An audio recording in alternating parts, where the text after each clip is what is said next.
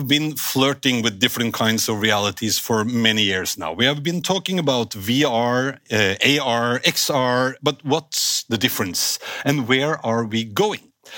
Gaming is, of course, one of the major contributors in the development, but also in both construction and other kinds of heavy industries. We've seen the emerge of uh, VR and, and use of VR. And, and today we're also going to talk about uh, psychology, like medicine, like gaming. Uh, so there's a lot of new areas where VR and different kinds of realities are emerging. So to talk about the future of realities, I have with me uh, Lars uh, from Jatec, and then Magnus Arveng from Intention. You kind of made different or, or hard to pronounce uh, business names. Thank you. Yeah. But uh, start with you, Lars. Uh, just shortly about yourself and what you do. Absolutely. So, uh, yeah, uh, as you introduced me, my name is Lars. I've, uh, I'm the CTO of uh, and what we're building is virtual reality-based exposure therapy for social anxiety. So you mentioned psychology, and I'm sure we'll get into that later on.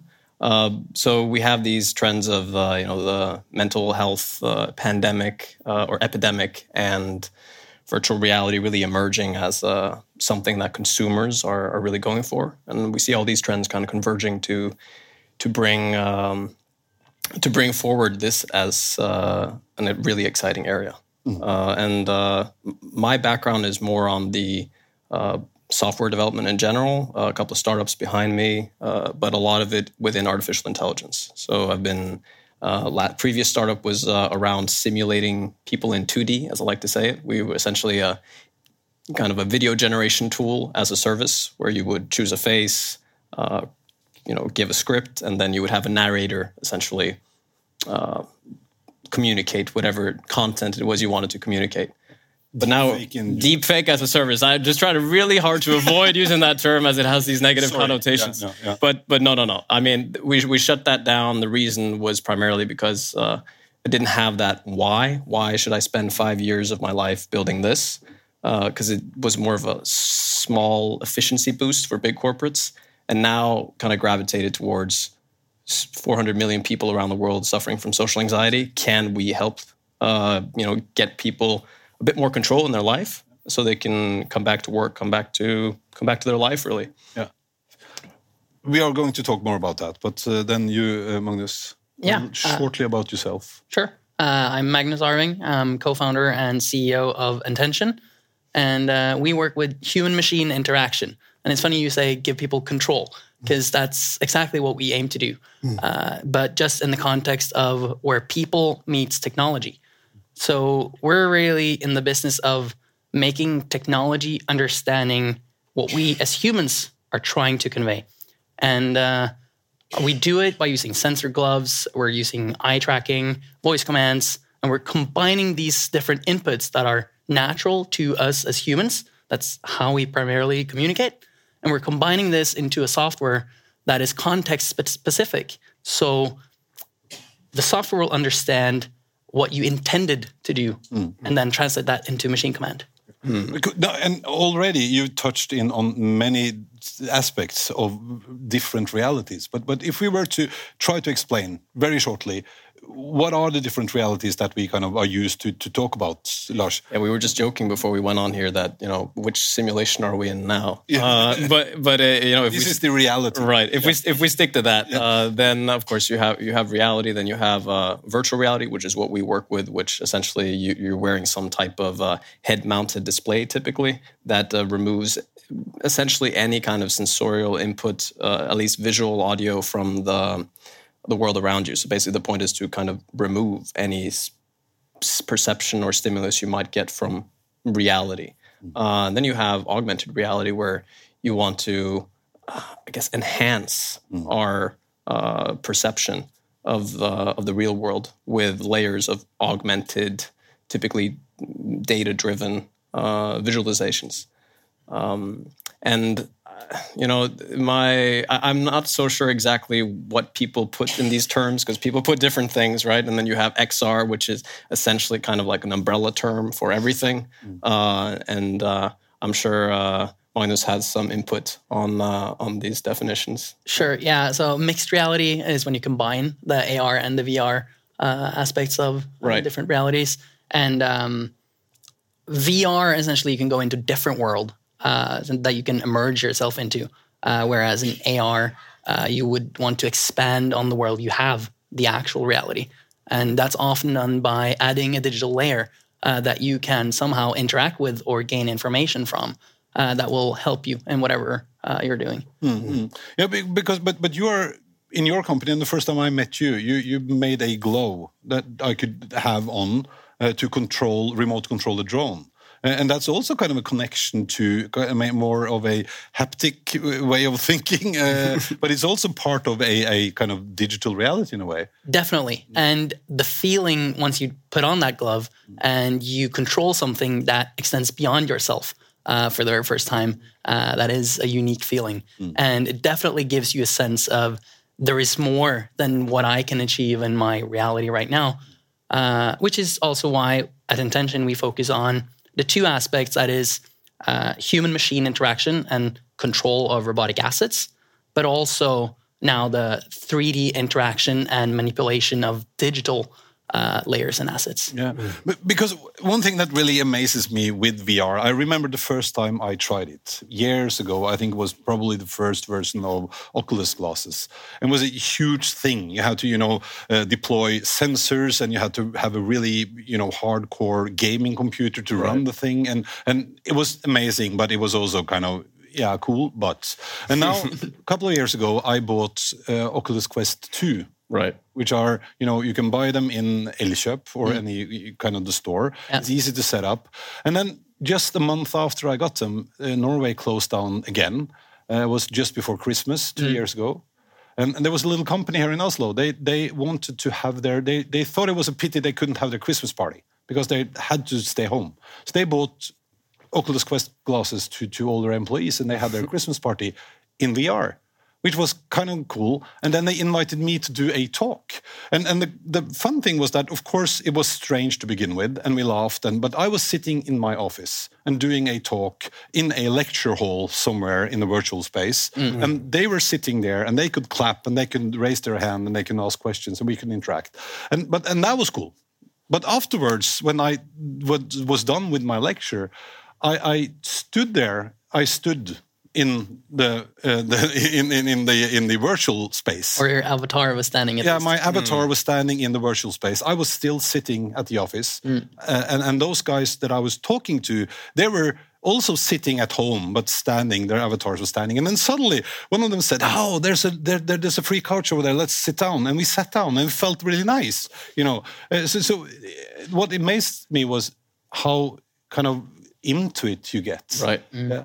And, and, and um, talk a little bit what you're doing now with, with psychology, and I can kind of understand why why this kind of takes away some barriers. Absolutely. So, I mean, what you're talking about now is an experience that many people have had before, right? You just get into this virtual world and then kind of you just get completely immersed. Uh, we actually do um, virtual reality stand-ups in our team.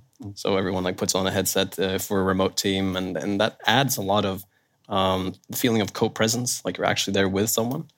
Um, and uh, beyond, you know, those social VR applications, you can also have that with um, you know, computer controlled characters as well. Uh, and, and we see, uh, based on, on a bunch of research within adjacent um, diagnoses like uh, fear of uh, spiders, arachnophobia, or other things like that, there's compelling research that and actual exper- experimental data that this works in practice to treat these conditions. Um, and there's done some uh, research on, uh, you know, performance anxiety, standing in front of a crowd like this one and speaking. I'll admit I'm a bit nervous, you know, sitting in front of these lovely people, but you could simulate that as well. Um, and uh, that's kind of where where I, our insight comes from. Uh, of course, it's a bit more difficult to create that the belief that these characters you're interacting with are real, but it's it's somewhat it's it's a lot easier to get people or it's possible for people to have that feeling in virtual reality to an extent they cannot have at all mm. if you're sitting in front of a computer screen on a Zoom meeting or something like that. Right? Yeah, and yeah, and when you start to add, you know, other features as well, mm. this will be very powerful. Definitely. Uh, and once you get to the point where we're all using some kind of augmented reality enhancements and have a digital layer available at all times, uh, suddenly interacting with that extended version of reality will become super important. And uh, we have to start doing it in a new and different way. We're, we're, we've been used to sticks, buttons, levers. Uh, we've all be- become accustomed to screens uh, for the past decade. But now, once we go extended reality, we're going to start interacting in 3D. And uh, 3D interaction is totally different, uh, at least from a design perspective, and how to make it natural and intuitive for us. Yeah, yeah, because that that's an update that came. I, I noticed on, on my Oculus Quest two glasses, where I, I don't really need the, the the controllers. I could just use my hands. Exactly. Right. Even though I just remembered one very fun thing uh, if you tried VR uh, and the battery goes out on one of the uh, on the controllers, your arm starts to just float around. Yeah, I was in a meeting. I was oh, whose arm is that? Oh, sorry, it's mine. It's the battery. Yeah. Uh, so yeah, but now you can actually you don't have to use them. Exactly. Uh, what, what, what do you think will be, you know, the next big thing? Talking about, you know, moving into this space. Right. So, I mean, there's uh, a lot to unpack. I think uh, one thing that would be huge is um, various types of biometric feedback uh, integrated into the VR experience. Uh, you know, you have Oculus working on uh, head mounted displays or headsets that can detect your facial cues. So, you know, imagine you're sitting in a meeting with someone. You're in VR, so you're already feeling a lot more there than if you were on a Zoom meeting. But if you can see the facial expressions of the the other person, I think that's going to be huge mm. uh, because there's so much nonverbal communication that you can't really capture in a in a conventional video conference or something like that. Mm. Um, beyond that, I mean, interaction and and uh, sorry, interfaces. There's a lot of work to be done. I think in in VR, people typically have this feeling that it's pretty clunky. How do you move around? How do you navigate? How do I actually get what I want done?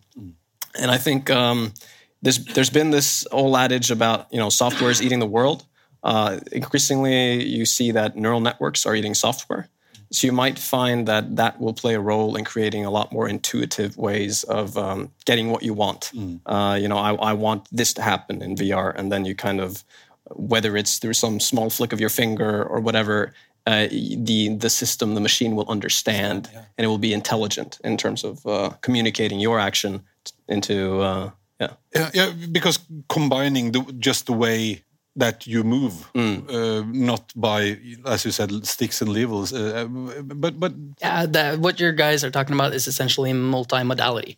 Uh, you take several different input methods from the human, uh, be it uh, slight movement uh, or just voice commands, and then you put them together, put it in the context in which you're doing something, and voila, the system has a frame uh, to understand what you're doing uh, in a much more efficient way. But but some of the things that you are working on now. Talk a little bit. About, what, what- what do you think will be the next big thing? Sure. Um, so, uh, as you mentioned, we started with the drone glove. Uh, that became the astronaut smart glove. And now we're currently working on uh, the astronaut smart glove combined with an interaction system uh, that we call the astronaut interaction system, uh, which we are hoping to put into the next generation of spacesuits. Wow. Cool. Yeah, so you you're actually making spacesuits. Uh, yeah, uh, not the spacesuit part, but uh, the interaction that hopefully goes in it. Yeah, So you're going to Mars, hopefully. hopefully. Yeah. Uh, but moon first. Moon first. Yeah. yeah. or we can simulate that probably. of course, uh, you can you can simulate it, but uh, I mean, there there are certain aspects of the physical world I think we still value, uh, and and in terms of uh, our, our vision is not you know uh, we want people to live in the matrix, uh, but uh, for people that use our service to kind of get more control, get better with their anxiety, their social anxiety, the vision is actually that through our virtual reality service, you would be uh, in a position where you could participate more in you know the real world, so to speak. Uh, you know, we don't want to build an ad-based uh, you know business model where we kind of optimize for people's eyeballs on the on the screen. Uh, so I think you know it, people have that fear around virtual reality. Is it just going to be the Matrix? I mean, I, I talk to um, people that are not necessarily in the tech space around me, and that that's a lot of the complaint they might have. We already like we're using so much time, and like the kids these days are just completely addicted. Uh, but I think that you know immersion uh, will be a good thing, uh, and uh, if you build it in a way where you know where you're not you're not optimizing for selling ads. Uh, you know, it could be a it could be a better computing platform uh, with less of these issues. Yeah, yeah. Because I, I remember reading an article of one of the obstacles with men, especially grown-up men, having mm. you know psychological issues, is to open up and and actually go to, or even if they did go to a therapist, mm. uh, I would lie. No, no, I'm good. No right. worries. Yeah, but when uh, presented for something virtually. And that was even just a simple kind of AI-based chat right. service, and then they moved into the VR space instead, based on the same platform. Men opened up, Mm. And, and, and do you find, I mean, the space that you're working is really important. That's nothing to do with gaming or it's in hardcore helping people. Right, absolutely. And there are a lot of, um, you know, it's hard to actually gauge how many people suffer from this, mm. how many people. And I think if you get a big enough crowd, then anyone might feel some performance anxiety. So there's there's a continuum, and then you have people really suffering who don't leave their house, uh, and uh, and you have a lot of people that don't actually um, you know, ad- admitted they don't get, uh, they don't seek help. Uh, and, and and we have like from some of the test users that we interact with, like our, our volunteers, uh, they uh, they fall into that category. So mm. there's definitely a, a, big chunk of those. Mm. Yeah. But moving forward, I mean, most of us are not going to be astronauts. Fortunately, even I would love to go. But but but what will be kind of the use cases for the future uh, for the stuff that you're creating, the, the space you're working in? Sure. Um, yeah. So we're making the interaction system, and it could be pretty much used anywhere where you interact with technology. Uh, so smart homes, tons of industries where you need people to interact with technology in some way and once the systems are in place, uh, much easier to get there. But after space, I think we're going quite digitally. Mm. Uh, we're trying uh, to aim for the metaverse, uh, just because that is a fully digital platform.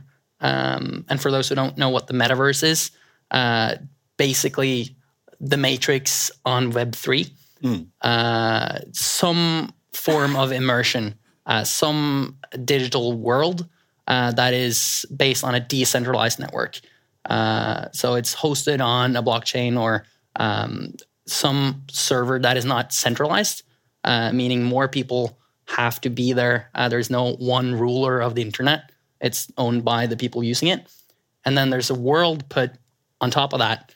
Uh, we're seeing the early phases now with games like the Sandbox or Decentraland. Uh, and then we see that Facebook or now Meta is really putting a huge amount of resources into this uh, metaverse. Uh, and Microsoft is building their Mesh, mm. uh, which is kind of metaverse for work. Um, but I think there will be a space, a common space, where everyone will have access. Uh, there will be like massive multiplayer online, uh, kind of like Facebook, but a game, but in which you can work and you can essentially live there half of the time, uh, which is quite scary, but it also means you're going to spend a lot of time there. And there are going to be digital assets uh, and some kind of um, reality that you need to interact with.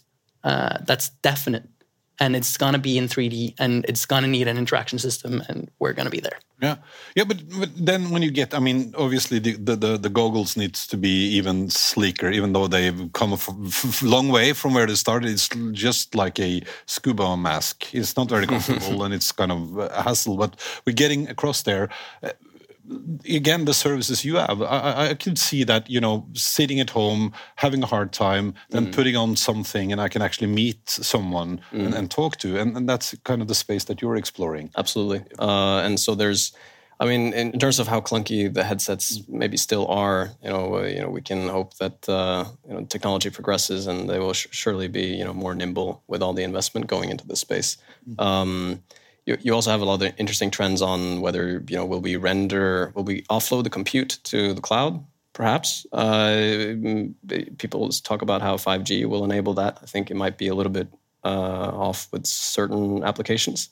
Uh, but in terms of you know the vision for what what can you uh, what can you do within our space? I mean we i would like for a situation where if I can communicate what it is that I'm afraid of specifically, or what it is that I want to be challenged on, uh, I can communicate that in in words.